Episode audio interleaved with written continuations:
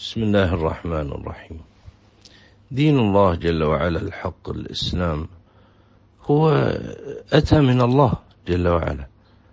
فيما يجب أن يؤمن به فيما يعمل فيه فيما يعتقد في كل شيء سواء كان في العلم أو العمل في الاعتقادات أو الأحكام.